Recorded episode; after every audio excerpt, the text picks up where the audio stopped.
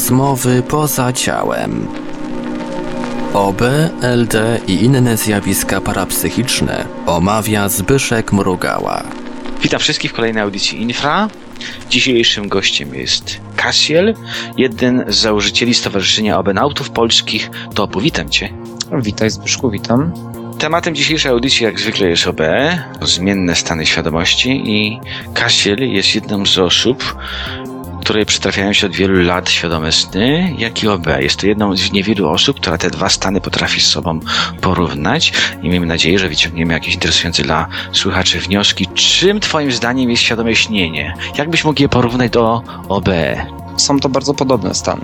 Z tym, że OB traktuje bardziej przy tym świecie, który nazywamy fizycznym, natomiast LD jest już bardziej dla mnie wnięciem w to, co w skrócie nazywamy tym ospuło, czyli właśnie jak to Darek Sugier określił, tym e, obszarem stworzonym przez umysł obserwatora, czyli kiedy już kreujemy sami właśnie pewne obrazy, manifestujemy pewne rzeczy podczas procesu właśnie takiego świadomego tworzenia, świadomej kreacji.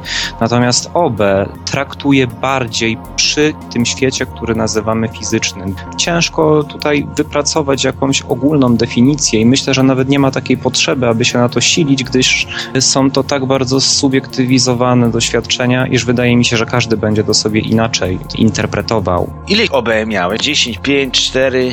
Mm, w 100% trudno powiedzieć, koło 20, 30. No to dużo. My, tak, świadomość no, snów? Oj, masę, masę, bo ja, jeśli chodzi o świadome sny, to już tym się zajmuję od wielu lat.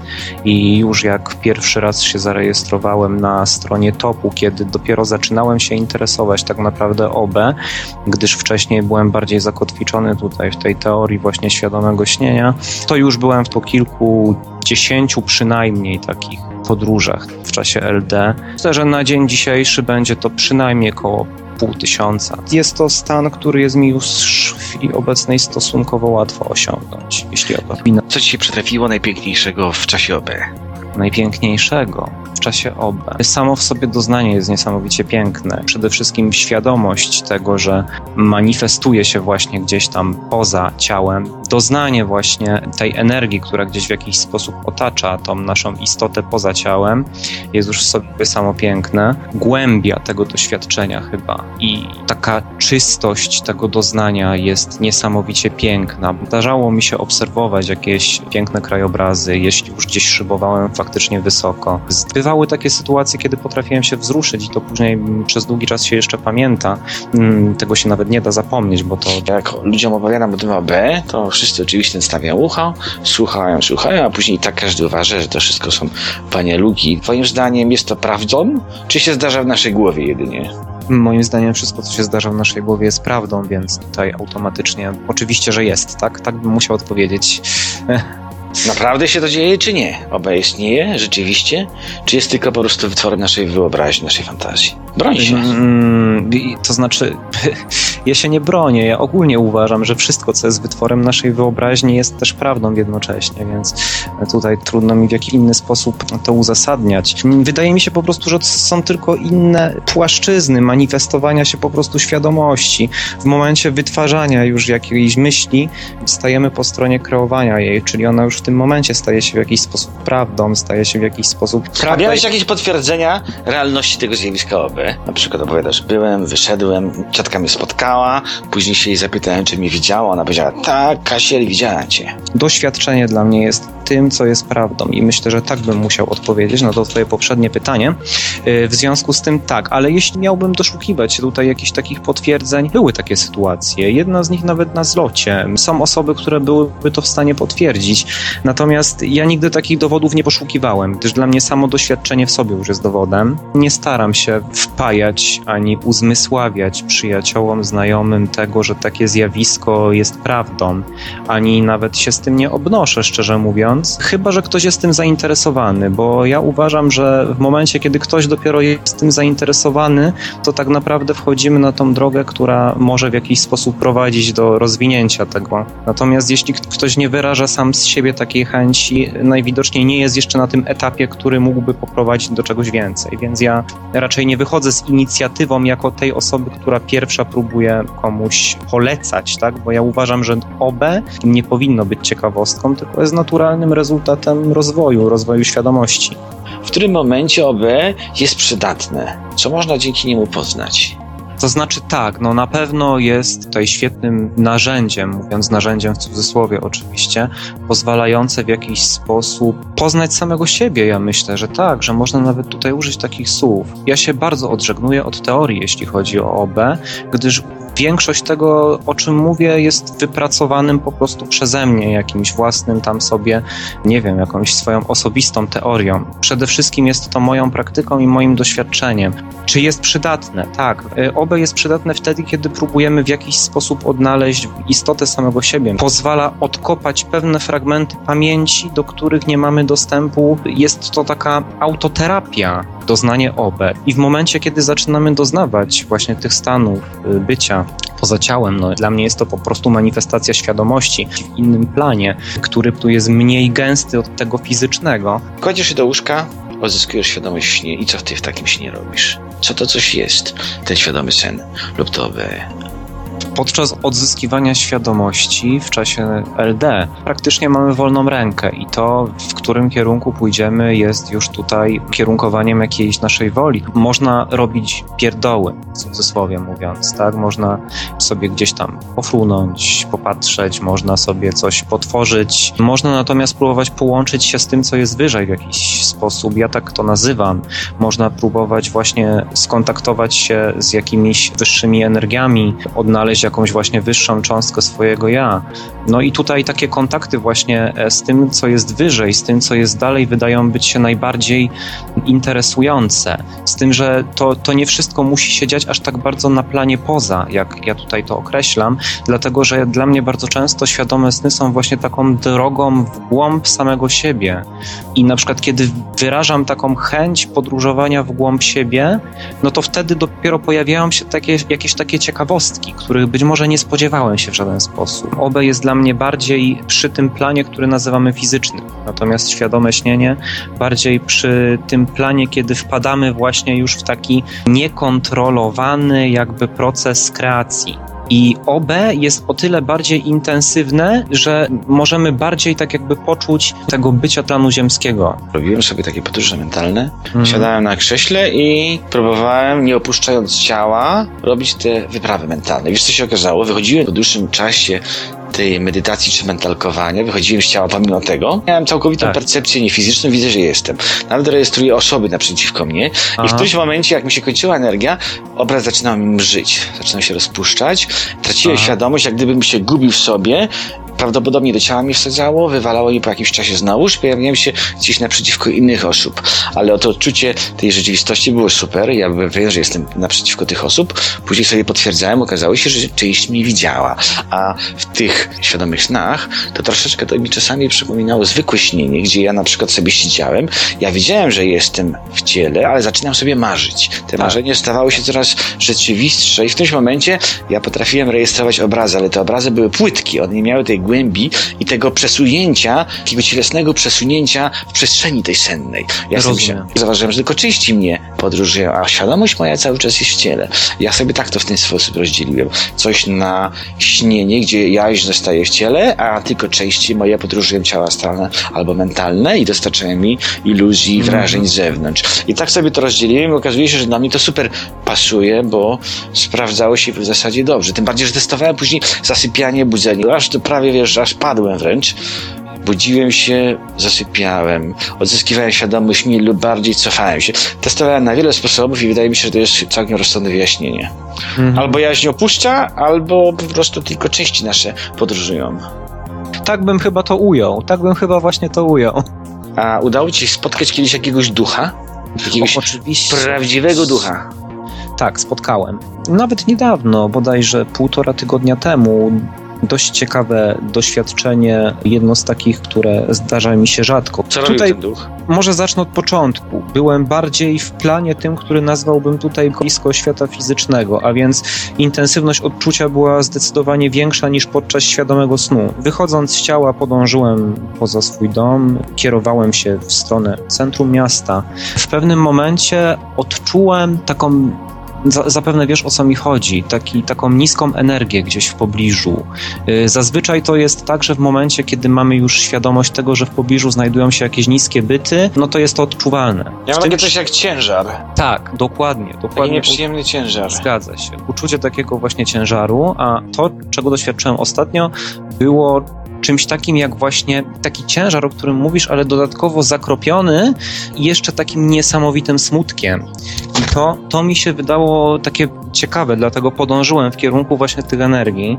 W pewnym momencie uczucie tego właśnie takiego smutku było tak niesamowicie intensywne, że musiałem sam w sobie wytwarzać właśnie energię, która w jakiś sposób by spychała, tak, ten smutek, odgraniczała w jakimś innym miejscu, gdyż nie wiem, czy byłbym w ogóle w stanie przebić się przez barierę tą, która gdzieś tam się wytwarzała.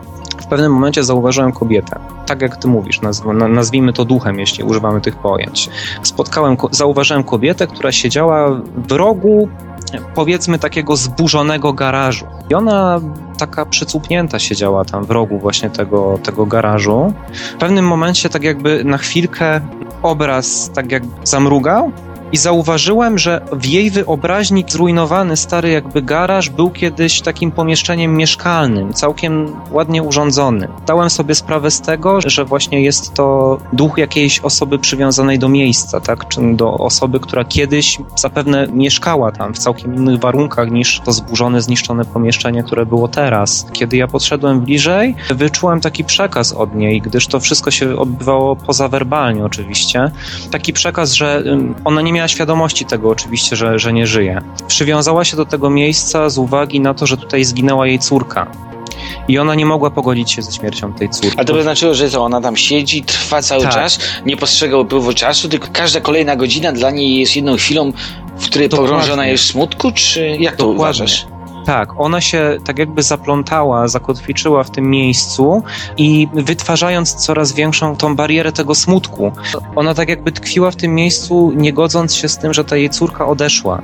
I ona cały czas oczywiście zaplątała się tak jakby w tym czasie, wierząc, że ona cały czas y, żyje. Czyli ona trwała w tym nieskończonym smutku, nie, nie mogąc sobie z tym poradzić w żaden sposób. Uświadomiłem tej kobiecie, że to prawda jest, że jej córka już nie żyje i że w tej chwili podąża już dalej, natomiast musiałem uświadomić jej to, że to ona także już nie żyje i że ona już także musi udać się w to miejsce, które na nią czeka dalej, gdyż będąc tutaj i coraz bardziej zakotwiczając się w tym smutku, no nie ma szans na to, żeby ruszyć.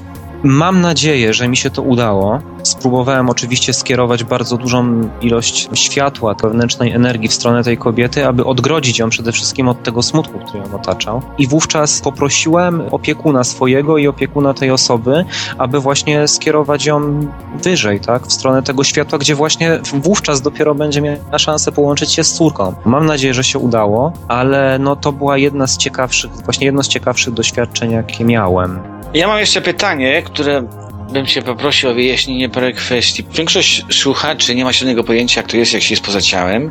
się spotyka jakąś marłą osobę i się mówi na przykład, czy siedzi w garażu w kącie, ale tak. to nie garaż, tylko byłoby jej mieszkanie. A więc oni już Zgadza mają pewien problem, bo jak to, czy mieszkanie w takim razie, które zostało zniszczone, czy stary garaż? Ty jako obserwator gdzieś się pojawiasz, masz ręce i nogi, to znaczy się może zrobić krok do przodu, do tyłu. W czym kroczysz? Czy jest jakaś podłoga, czy wisisz w powietrzu? Razem wisicie w powietrzu. Opisz proszę dokładnie sytuację, w jakiej to się rozgrywało. Rozumiem, tak filmowo to przedstawić, tak, tak? tak? No nie zastanawiałem się nad tym jako ten, który doświadcza. Jeśli miałbym określić to, co widzę w tym momencie, no to było południe. Obraz tak jakby z oczu, obraz z oczu, nie, nie patrzyłem na dół. To jest takie właśnie, tak jak to określiłeś, bycie w powietrzu to bardziej podąża świadomość. W momencie, kiedy ja myślę o jakimś ruchu, to nie myślę o tym, żeby wykonać krok, tylko po prostu przesuwam swoją świadomość w pewne miejsce. Wygląda mi na, na percepcję mentalną. Tak, A miałeś tak, no nogi, to... czułeś nogi, że wykonujesz ruchy, czy po prostu tylko płynąłeś?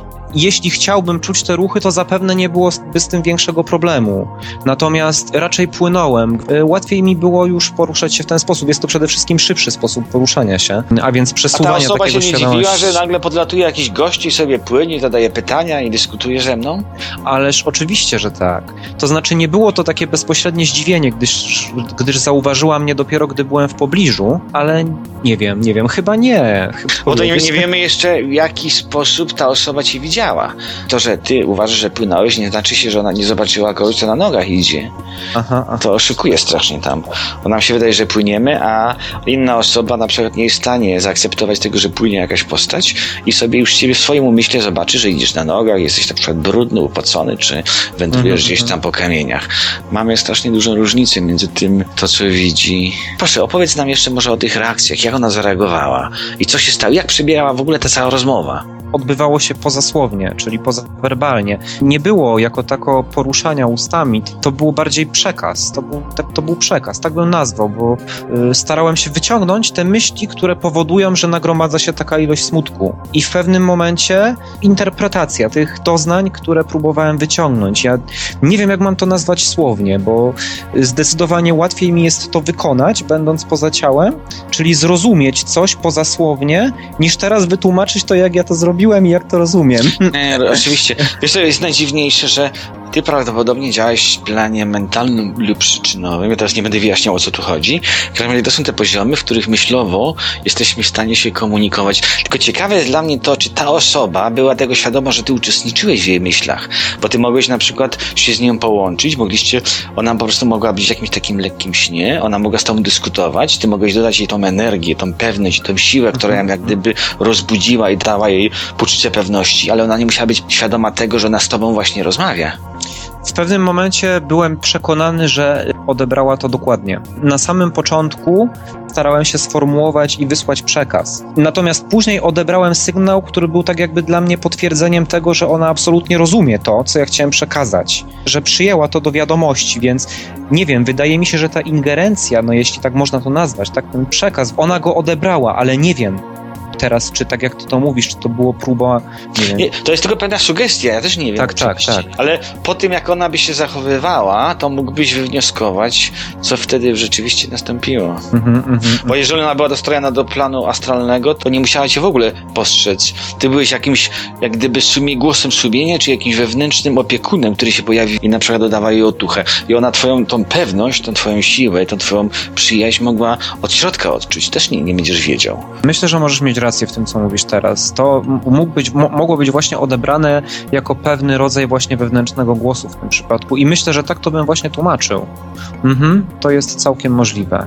Powiedziałeś, że jakiś niezwykły smutek przyciągnął cię do tej osoby. Jedną Mhm. rzeczą jest dla mnie zastanawiające, jak jest to możliwe, żeby poza ciałem emocje miały takie wielkie znaczenie, żeby coś odczuwane przez jakąś osobę, czującą się zagubioną gdzieś po śmierci, miało taką moc, żeby jakiegoś faceta tam gdzieś znajdującego się kilkaset kilometrów dalej było w stanie Mhm. przyciągnąć. Jak to jest możliwe? Hmm, trudno mi powiedzieć. Myślę, że można by to było nazwać jakąś formą wrażliwości, być może czymś, co trudno by było określić poprzez zmysły, jakie, jakie, w jakie wyposażone jest nasze ciało fizyczne. Myślę, że to by było bardziej trzeba wytłumaczyć jakąś taką percepcją pozazmysłową po prostu. W pewnym momencie wiemy, że dociera do nas z pewnego miejsca coś, tylko trudno jest to określić właśnie w tych zmysłach, które są nam dostępne na co dzień. Dla mnie to było wyraźne odczucie. Ale dlaczego właśnie doleciało do ciebie? I dlaczego ty to odebrałeś? To jest interesujące. Ja Mm, miałem, patrz, ja miałem taką sytuację kiedyś. Zdarzył się u mnie wypadek, byłem w czasie pracy i żona mnie ściągnęła do domu. Zrobiło Tak. się spontaniczne OB i uczestniczyłem przy pewnym wypadku, na Mhm. który miałem wpływ. Wypadek się skończył, sytuacja się zacięła, ja wróciłem z powrotem, było po wszystkim, ja zostałem przez nią przywołany. Jak myślisz, czy zostałeś przywołany tym, czy po prostu byłeś jakiś tak nastrojony, nostalgicznie, tak pesymistycznie, czy pragnąłeś po prostu komuś pomóc? Nie, bo mnie zastanawia to, dlaczego akurat do ciebie trafiło. Jest tyle ludzi, a trafiło do ciebie. Czy widzisz z tym jakiś związek? Tak, myślę, że związek może być jak najbardziej i myślę, że tutaj może być to, o czym ty powiedziałeś, o tej chęci pomocy. Staram się wykorzystywać w jakiś sposób swoje umiejętności, zainteresowania po to, aby pomagać innym i, i to jest chyba główny cel tego. Jeśli staram się w jakiś sposób przekazać albo wykorzystać swoje umiejętności w tym planie cielesnym czy pozacielesnym, to wykorzystuję je głównie po to, by właśnie pomagać innym. Tutaj na to jestem bardzo wrażliwy. W tym planie cielesnym, na przykład zajmuję się też osobiście egzorcyzmowaniem dość często osób, y, do których przywiązały się niskie byty. I myślę, że być może gdzieś właśnie ta energia, która tam tkwiła właśnie w tym planie, być może wyczuła to, albo ja moją wrażliwością w jakiś sposób ściągnąłem do siebie to odczucie. Może tak być. Udało ci się nawiązywać kontakt z przyjaciółmi fizycznymi, z opiekunami, którzy by cię Y- poprowadzili w sytuację, w miejsca, w które by na przykład twoja pomoc była konieczna. Zdarzało mi się natomiast, bo nigdy nie objawiało się to w taki sposób, jak na przykład u Monroe'a. Nigdy to nie było tak, że pojawiali mi się na przykład niefizyczni przyjaciele, których ja widziałem, których mogłem opisać. W każdym przypadku była to obecność, którą ja czułem i która wiedziałem, że jest. Natomiast ni- nigdy nie zdarzało się tak, żeby y, na przykład ktoś koło mnie nagle stanął i powiedział: chodź, pójdziesz ze mną tam. To było raczej odczucie i pewność tego, że jest przy mnie ktoś, kto chce mnie zabrać w pewne miejsce i za jakiś czas w tym miejscu się pojawiałem. Ale zawsze było to tak jakby pozaosobowo, czyli nie pojawiały mi się te osoby fizycznie, tak, czy pozafizycznie. Nie widziałem ich postaci. A reagujesz na nich w ciele fizycznym również, czy tylko poza ciałem fizycznym? Nie, w ciele fizycznym jak najbardziej również reaguję. Oczywiście odczuwam to poprzez przepływ energii, która się we mnie manifestuje. To znaczy, no, można by to było nazwie, nazwać takim odczuciem zbliżonym do tego, co nazywamy takim mrowieniem, tak w ciele, takim energetycznym. Trochę zbliżone do wibracji takich obeowych, natomiast na, na pewno nie aż tak bardzo intensywne. Jest to na przykład taki przepływ energii, który towarzyszy podczas medytacji. W momencie, kiedy ja chcę, kiedy chcę uzyskać taki kontakt z tymi niefizycznymi przyjaciółmi, to kiedy kieruję do nich pewną intencję i, i oczekuję jakiejś odpowiedzi, to ona właśnie w jakiś sposób zawsze przychodzi poprzez właśnie tą energię. I czuję, że w pewnym miejscu mojego ciała ta energia się kumuluje i sposób, w jaki ona się kumuluje i przepływa, jest tą odpowiedzią, która przychodzi. W takim razie masz do czynienia z tą całkowicie mentalną percepcją. Ja też tak często mam i nie żałuję na przykład w wielu sytuacjach, że nie mam rozbudzanej w tym momencie percepcji astralnej. Ona całkowicie mi wystarcza i te informacje, które zyskuję w ten sposób są dla mnie całkowicie wiarygodne. Tak, tak. Osobiście też to wolę. Mam do czynienia z bytami, które do nas przybywają w planie mentalnym lub wyższym mentalnie. Mhm. Jak przebiega rozmowa między tobą a opiekunem, między osobami czy bytami, które ty spotykasz? Bo największy problem, przynajmniej dla mnie, stanowi wyrażenie tego i określenie właśnie teraz myślę, słyszę, czuję, druga osoba robi to samo, wymieniamy się myślami. Spróbuj proszę cię opisać, jak przebiega właśnie rozmowa telepatyczna. Co to jest? Jak to się odbywa, Mhm. jak to się czuje? Z, z przewodnikiem, niefizycznym przyjacielem, czy jakkolwiek to nazwać, tak? W tym sensie? Tak, jakie, jakieś różne formy cię wypatrzyłeś, że na przykład w ciele fizycznym z koleżanką rozmawiałeś również, z kimś, ktoś na przykład jest oddalony od ciebie 200 km, również w sposób jakiś tam wieczorem możesz rozmawiać i wiesz, że ona cię słyszy, czy ktoś cię słyszy. Nigdy nie próbowałem zyskać takiej łączności z osobą fizyczną. Nie wiem dlaczego. Nie wiem, po prostu jakoś Nie miałeś potrzeby. Nie, nie miałem potrzeby, ani nigdy tak się nie złożyło, żebym nawet z kimś się umówił na, na tego rodzaju doświadczenie. Bo to trzeba już dwóch fascynatów, dwie osoby, które byłyby zafascynowane zjawiskiem i chciałyby to osiągnąć. No tak, tak. No Jeden tak. nie da rady. Natomiast jeśli chodzi o te byty niefizyczne, ja sobie pomagam wizualizacjami bardzo często. To znaczy, kiedy próbuję taką łączność zdobyć, chociażby na przykład wtedy, kiedy staram się przeprowadzić tak egzorcyzmowanie, pomagam sobie wizualizując sobie formy tych właśnie fizycznych bytów. Zazwyczaj jest to wizualizacja po prostu pewnej energii skumulowanej w jakimś miejscu. Nie chodzi o to, żeby teraz wizualizować sobie całe sylwetki postaci, w jaki sposób są ubrane, czy mają długie włosy. Nie, nie o to chodzi. Chodzi o pewną wizualizację energii, która jest gdzieś w przestrzeni. No i oczywiście ja w stronę tej energii wysyłam przekaz. Tak, tak bym powiedział, że wysyłam przekaz. Tak próbuję się komunikować. Prawie zawsze mam pewność, że ten przekaz dotarł. Teraz czekam na reakcję, na, na to, w jaki sposób zostanie mi odpowiedziane. No i właśnie poprzez również pewien przepływ energii odbieram tą informację zwrotną. No nie jest łatwo to Nie, ująć rozumiem, słowa, bo ale... trzeba po prostu było konkretne przypadki powiedzieć, co się stało, ale to jest skomplikowane. Zainteresowała mnie jeszcze twoja wypowiedź dotycząca egzorcyzmów. Tak, tak, tak. Czasami też tak się zdarzyło, że parę razy sam się wsunąłem w kolegę Hmm? i miałem tam okazję zobaczyć, jak to jest, jak się jest w innym ciele, jak to się odczuwa i co można zarejestrować, co można postrzec.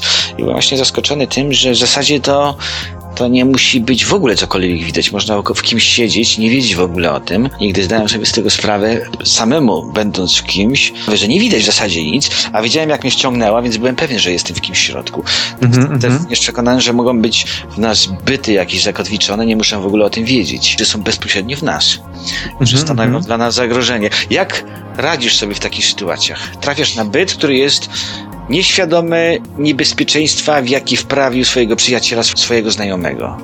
Właśnie prawie zawsze kwintesencją, do którego się dąży poprzez takie egzorcyzmowanie, jest uświadomienie właśnie tym bytom tego, w jakiej są sytuacji.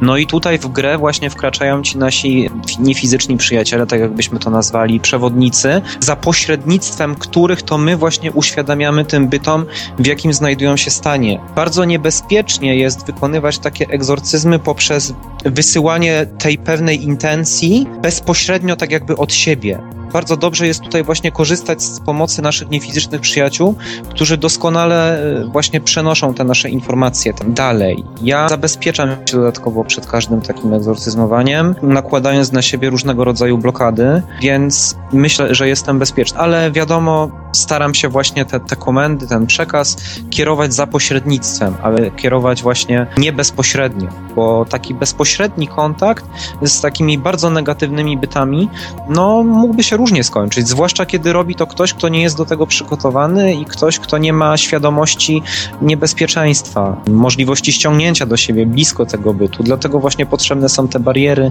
i te obwarowania, które zawsze przed próbą takiego egzorcyzmowania dla siebie zakładam. Byliśmy kiedyś w grupie, opowiadaliśmy sobie o duchach. Moja znajoma zaczyna krzyczeć, że ktoś mi chodzi po plecach. Ja wtedy dałem sobie sprawę, że rzeczywiście czuję, jak się spina jakiś, jakaś, jakiś twór astralny po głowie, idzie, idzie, idzie, hop, hop, hop, dotarł do głowy. I w tym momencie znajoma zaczyna krzyczeć, e, ktoś ci chodzi po głowie. Wychyliłem się na zewnątrz siebie, postawiając ciało fizyczne i zobaczyłem rzeczywiście, że uwiesiła mi się moja babcia. No i to była akurat po takiej medytacji wspólnego odzyskiwania wszystkich swoich tam przodków. Tak. W czasie lotu ona złapała mnie za nogę, nie zwróciłem na to uwagę, dokleiła się do mnie, wniknęła we mnie. Nie zauważyłem tego, chociaż zarejestrowałem to chwycenie za nogę.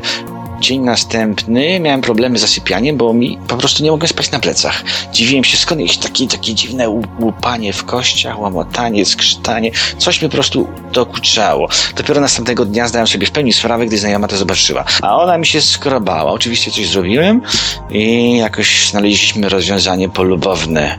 Czy miałeś bezpośredni taki kontakt, że stoisz naprzeciwko kogoś i widzisz, że w tym kimś po prostu jest jakiś byt, jakaś istota, jakiś duch, który nie wie, dlaczego się tam znalazł i co tam robi? Jak mu pomóc? Nie, szczerze mówiąc, nie miałem takiego przypadku. Zazwyczaj, kiedy wykonuję tego typu egzorcyzmy, tak, w tym przypadku, jest to z intencji kogoś bliskiego, na przykład przyjaciel czy, czy, czy bliska osoba mówi mi o tym, że warto by było na przykład sprawdzić, czy wokół jakiejś osoby krążą właśnie niskie byty, a jeśli tak, to żeby zająć się egzorcyzmowaniem tych bytów. Osobiście zdarza mi się rzadko spotkać osobę, którą bym mógł podejrzewać o to, że, że potrzebowałaby takiej pomocy. Dlatego też no, nie miałem takiego kontaktu, jak mówisz, że byłbym w stanie to określić, że może mógłbym to zobaczyć. Być może dlatego, że też nie bywam w takich grupach, nie eksperymentuję grupowo. Tutaj to by mogło być właśnie powodem, dlaczego, dlaczego nie miałem szansy. Nie, no w zasadzie to nie ma ani co podziwiać, ani się cieszyć, czy martwić, bo to dla mnie nie stanowiło nic takiego strasznego. To była po prostu taka przygoda, tak jakbym wykonywał gwałtowny ruch. Mhm, mhm. Tylko zdałem sobie sprawę, że w ogóle takie doklejanie jest możliwe. To mnie bardzo zaskoczyło, że rzeczywiście osoby, które po raz pierwszy robią odzyskiwanie jakieś, to powinny zwrócić uwagę na to, bo jeżeli na przykład ktoś sobie nie zda sprawy, że tam gdzieś później musi coś przyklei, to będzie miał pewne problemy, będzie miał zaburzenia koordynacji ruchu, mogą się pojawić pewne bóle w różnych częściach ciała, czy na Mhm. przykład osłabiony system immunologiczny zostanie. A więc następstwa mogą takie jakieś tam być. Ale rzeczywiście, że mogą być, bo to właśnie w momencie, kiedy jakiś taki negatywny byt jest blisko nas, on automatycznie oddziałuje również na nasze ciało fizyczne. Y, jeżeli jest to byt osoby, która za życia na przykład cierpiała na pewnego rodzaju y, nałogi, czy na pewnego rodzaju schorzenia, to ona automatycznie przenosi to później dalej na tę osobę w pobliżu, której się znajduje, do której się przywiązała. To masz na Więc- myśli, że ta osoba by nagle zapragnęła palić papierosy? Na przykład, na przykład, tak, to się objawia dokładnie w taki sposób.